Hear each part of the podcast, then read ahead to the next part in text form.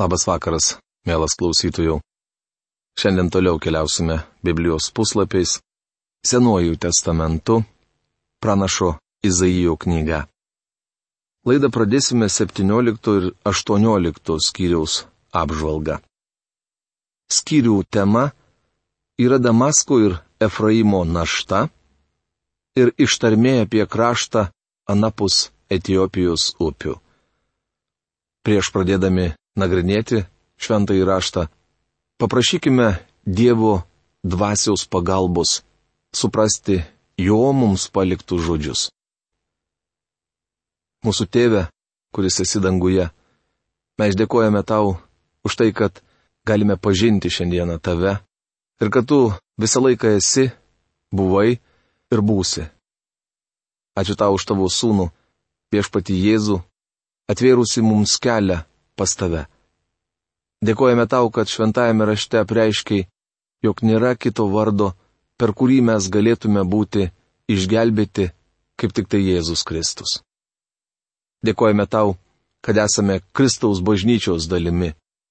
Ir galime šiandieną savo žvilgsnius nukreipti į tai, kas bažnyčiai yra svarbiausia - į tavo prieiškimą, kuris buvo kadaise paslėptas o šiandien tavo dvasios atskleistas.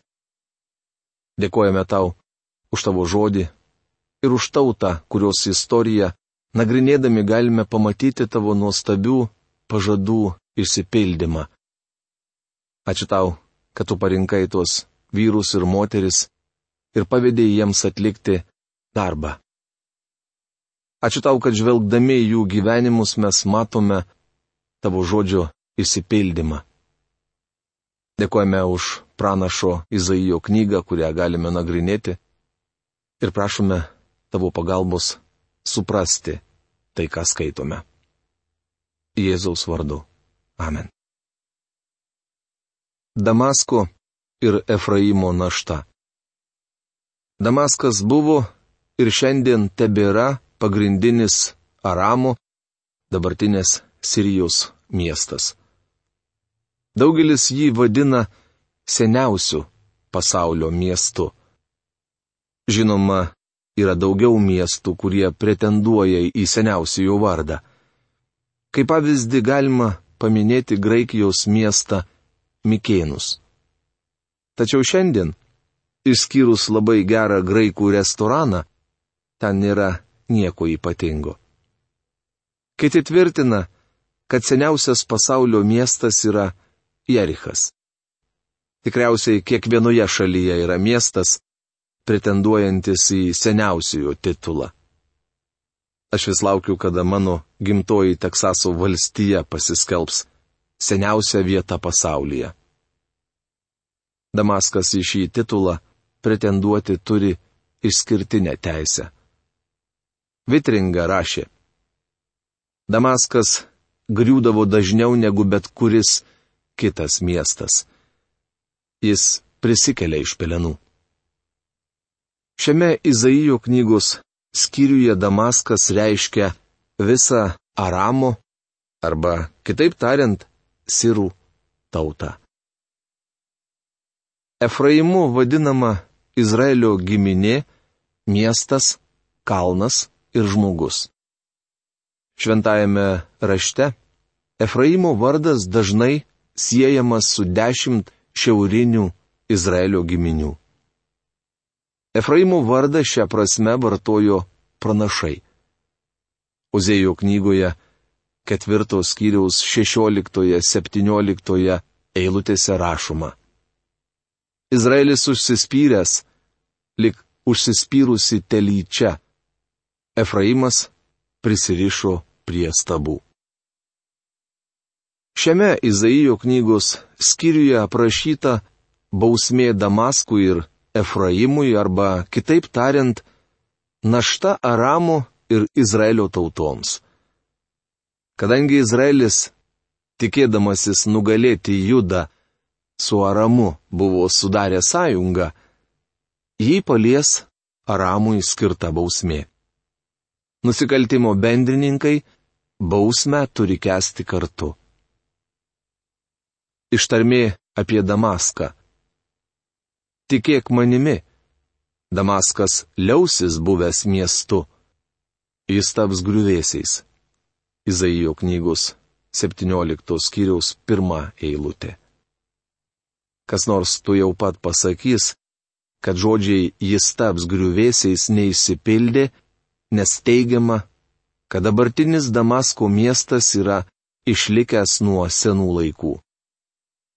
Kaip jau minėjau, visos šios Izaijo pranašystės turėjo išsipildyti netolimoje ir tolimoje ateityje. Problemą susijusią su ką tik skaitytos pranašystės išsipildymu galima aiškinti dviejopai. Pirma. Istorikai ne visuomet tiksliai nustato senovės miestų vietas. Nelabai seniai vienas žmogus parašė puikią istorinę knygą, o po to pareiškė, kad istorikai yra didžiausi melagiai pasaulyje. Šiandieninio Damasko apylinkėse gausų miestų griuvėsių, taigi bet kurie iš jų gali būti senovės Damasko liekanos. Kaip dauguma senovės miestų, po sunaikinimo jis galėjo būti atstatytas kitoje vietoje. Kiti miestai, pavyzdžiui, Jeruzalė buvo atstatomi toje pačioje vietoje, nes ji izraelitams buvo labai reikšminga vieta. Palikime šią problemą archeologams, kurie dar neįvardijo tikslios vietos, kur yra senovės Damasko griuvėsiai. Antrasis aiškinimas. Damaskas yra miestas, kuris per karus buvo daug kartų niokotas. Nors jį atstatant geografinė vieta šiek tiek keitėsi, jis vis tiek išliko. Gali būti, kad tai iš tiesų seniausias pasaulio miestas. Nors stovi krašte, pro kurį pražygiavo daugybė kariuomenių, jis iki šiol ištvėrė visas žemę ištikusias katastrofas tačiau po didžiojo suspaudimo Damaskas neišliks. Jis bus sunaikintas ir, kaip sako Izaijas, liausias buvęs miestu. Šie paaiškinimai rodo Izaijo pranašystės tikslumą. Aruero miestai bus apleisti ir priklausys kaiminėms. Ten jos ramiai gulinės ir nebus kam jų baidyti. Izaijo knygos 17 skyriaus antra eilutė. Aruero miestai yra Damasko apylinkės. Izaijas sako, kad visa šis rytis bus sunaikinta. Manau, kad tai įvyko praeitie ir pasikartos ateityje. Efraimas praras savo tvirtovės, o Damaskas karalystę. Aramo likutis turės tą pačią didybę, kaip ir izraelitai. Tai galybių viešpaties žodis. Izaijo knygos 17 skyriaus 3 eilutė. Kadangi šiauriniai Izraelio karalystė buvo Aramo sąjungininkė, jie turėjo prisijimti dalį Damaskui skirtos bausmės arba naštos. Kaip rašoma karalių antros knygos 15 skyriaus 29 eilutėje, abu šios miestus paėmė Tiglat Pileseras. Karalių antros knygos 17 skyriaus 6 eilutėje skaitome, kad kitas Asirijos karalius Šalmaneseras galiausiai ištrėmė šių miestų gyventojus į Asiriją. Be abejo, tai dalinis, o daugelio nuomonė ir galutinis šios Izaijo pranašystės išsipildymas. Tačiau aš manau, kad čia kalbama ir apie būsimus laikus. Žinoma, bent dalinai visa tai jau išsipildė, tačiau dažnai skaitant jau anksčiau išsipildžiusią pranašystės dalį, Dievas leidžia mums patirti, jog galutinis jos išsipildymas dar ateityje. Toliau skaitydami šį Izaijo knygos skyrių pamatysime, kad bausmė įvykdyta. Detaliau į tai nesigilinsime. Juk tu pamiršai Dievą, kuris tave gelbsti. Neatmeni uolos savo priebėgos. Todėl veisk, jei nori šventuosius sodus, ir sodink juose svetimų vynuogių atžalas. Izaijo knygos 17 skyriaus 10 eilutė. Izaijas pranašavo šiauriniai Izraelio karalystiai ir visi jo žodžiai išsipildė. Be abejo, ši pranašystė turi ir dvasinį pritaikymą. Šiandien Izraelio kraštas apsudintas gražiais augalais ir atžalomis. Man asmeniškai teko garbė tame krašte pasudinti penkis medelius. Libano kedrų miškų beveik nelikę, tačiau medžių Izraelyje yra pakankamai. Alyvų kalnas kadaise buvo apaugęs medžiais, tačiau turkams valdant Palestiną beveik visa krašto augmenija sunyko. Po pirmojo pasaulinio karo Anglija pradėjo to šalies apželdinimo darbus, kuriuos tęsia ir dabartinė Izraelio valdžia. Pasodinta milijonai medžių. Ištarmė apie kraštą anapus Etijopijos upių.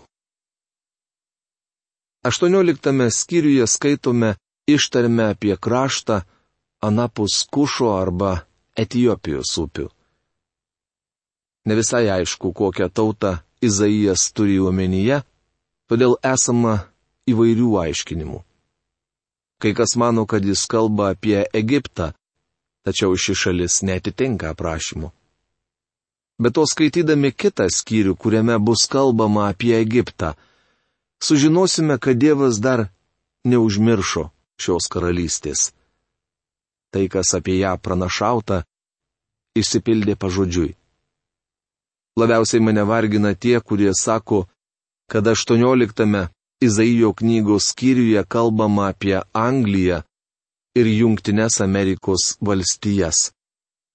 Tai nuobodus ir neprotingas Dievo žodžio aiškinimas. Mano nuomonė, geriausiai aprašymą atitinka Etijopija. Tačiau kyla klausimas, kuri. Šventajame rašte paminėtos dvi Etijopijos. Iš tikrųjų šioje eilutėje pavartotas žodis kušas. Vienas kušo kraštas yra Azijoje, Apie tai rašoma pradžios knygos antros kiriaus 13 eilutėje. Kitas - Afrikoje. Mano manimu, Izaijas kalba apie Etijopiją esančią Afrikoje. Tai žemė anapus upių. Etijopijos upė - Nilas. Taigi dabar Dievas pasaulio dėmesį sutelkia į Etijopiją. Ak, dūzgiančių vabžių žemę anapus kušo upių. Izaijo knygos 18 skyriaus pirmą eilutę. Jaustukas A gali būti verčiamas žodžiu nagi. Taip Dievas nori atkreipti klausytojų dėmesį. Jis sako, nagi žemė anapus kušo upių, išgirsk mane. Pasiklausyk, ką pasakysiu. Frazę dūzgiančių vabžių profesorius Algirdas Jurienas verčia žodžiais sparnuotų laivelių šalyje. Vienas misionierius, ilgus metus tarnavęs tame krašte, sakė, jog Etijopija garsėja paukščių gausybė. Ji vadinama sparnų šalimi. Tai regis patvirtina, kad čia kalbama apie Etijopiją. Siunčianti pasintinius per jūrą, papiruso laivais per vandenis. Keliaukite atgal, eiklieji pasiuntiniai. Pažmonės aukštaugius ir švelneodžius, pas gentį, kurios bijoma arti ir toli, pas stiprią ir pergalingą tautą, kurios valdas vagoja upės. Izaijo knygos 18 skyriaus antra eilutė. Kai kas mano, kad šie jūrų valstybė yra Anglija arba Junktinės Amerikos valstijos, tačiau ne viena šio laikinė tauta neplaukioja papiruso laivais. Daktaras Jenningsas savo išsamiuose Izaijo knygos komentaruose rašo, jog tai gali reikšti ir garlaivį, tačiau šio laikinių laivų kūras yra nafta. Aukštaūgiai ir švelniaodžiai žmonės yra Izraelio tauta. Tai akivaizdu ir suprantama daugeliui blaiviai mąstančių ir Bibliją studijuojančių žmonių. Visi, kurie esate pasaulyje, visi žemės gyventojai, kai ženklas bus iškeltas ant kalno, žiūrėkite. Kai sugaus ragas, klausykitės. Izaijo knygos 18 skyriaus trečia eilutė. Daugelis Dievo žodį studijuojančių žmonių mano, kad čia paminėtas ženklas yra padangtė skryne, kuri vėliau buvo perkelta į šventyklą. Kai Izraelio tauta pateko į Babilonijos nelaisvę, jį dingo.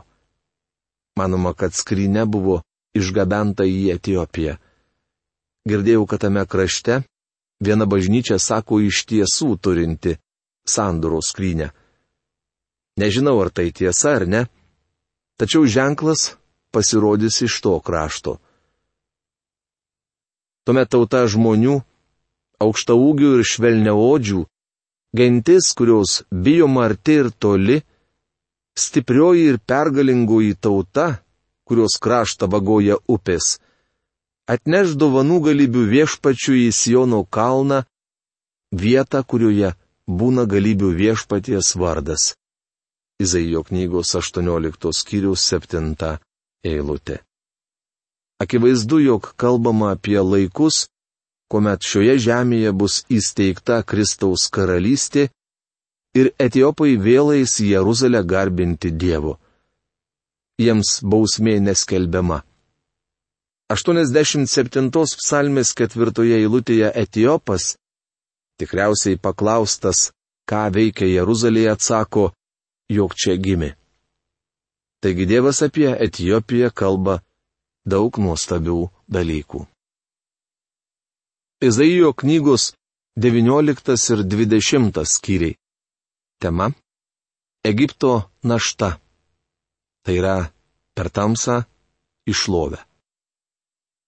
Jau minėjome, kad Izaijo knygoje nuo 13 iki 23 skyriaus aprašoma 11 bausmių skirtų Izraelio kaimininėms tautoms. Skaitydami šį skyrių sužinosime, kokia našta buvo skirta egiptiečiams. Jūsų turbūt nestebina, kad į šį juodą sąrašą įtrauktas ir Egiptas. Tai viena iš nuostabiausių pastraipų atskleidžiančių Dievo žodžio tikslumą. Be abejo, išsipildžiusios pranašystės yra įrodymas, kad Biblija - Dievo žodis. Šventajame rašte Egiptas su Izraeliu siejamas dažniau nei kuri nors kita tauta. Egiptiečių istorija senesnė už bet kurios kitos Biblijoje minimos tautos, net už Izraelio istoriją. Iš tikrųjų, Egiptas yra Izraelio tautos gimtinė. Jau tuo metu, kai į šį kraštą persikėlė 70 Jokūbo namiškių, egiptiečiai buvo sena tauta. Po 400 metų iš Egipto išėjo didelė tauta, kurią sudarė mažiausiai pusantro milijono izraelitų. Egiptiečių tautos istorija nenutrūkstamai tęsiasi iki mūsų laikų. Šiandien Egiptas pasaulyje užima gana svarbę vietą. 19 Izaijo knygos skyriuje skaitysime apie šlovingą egiptiečių ateitį.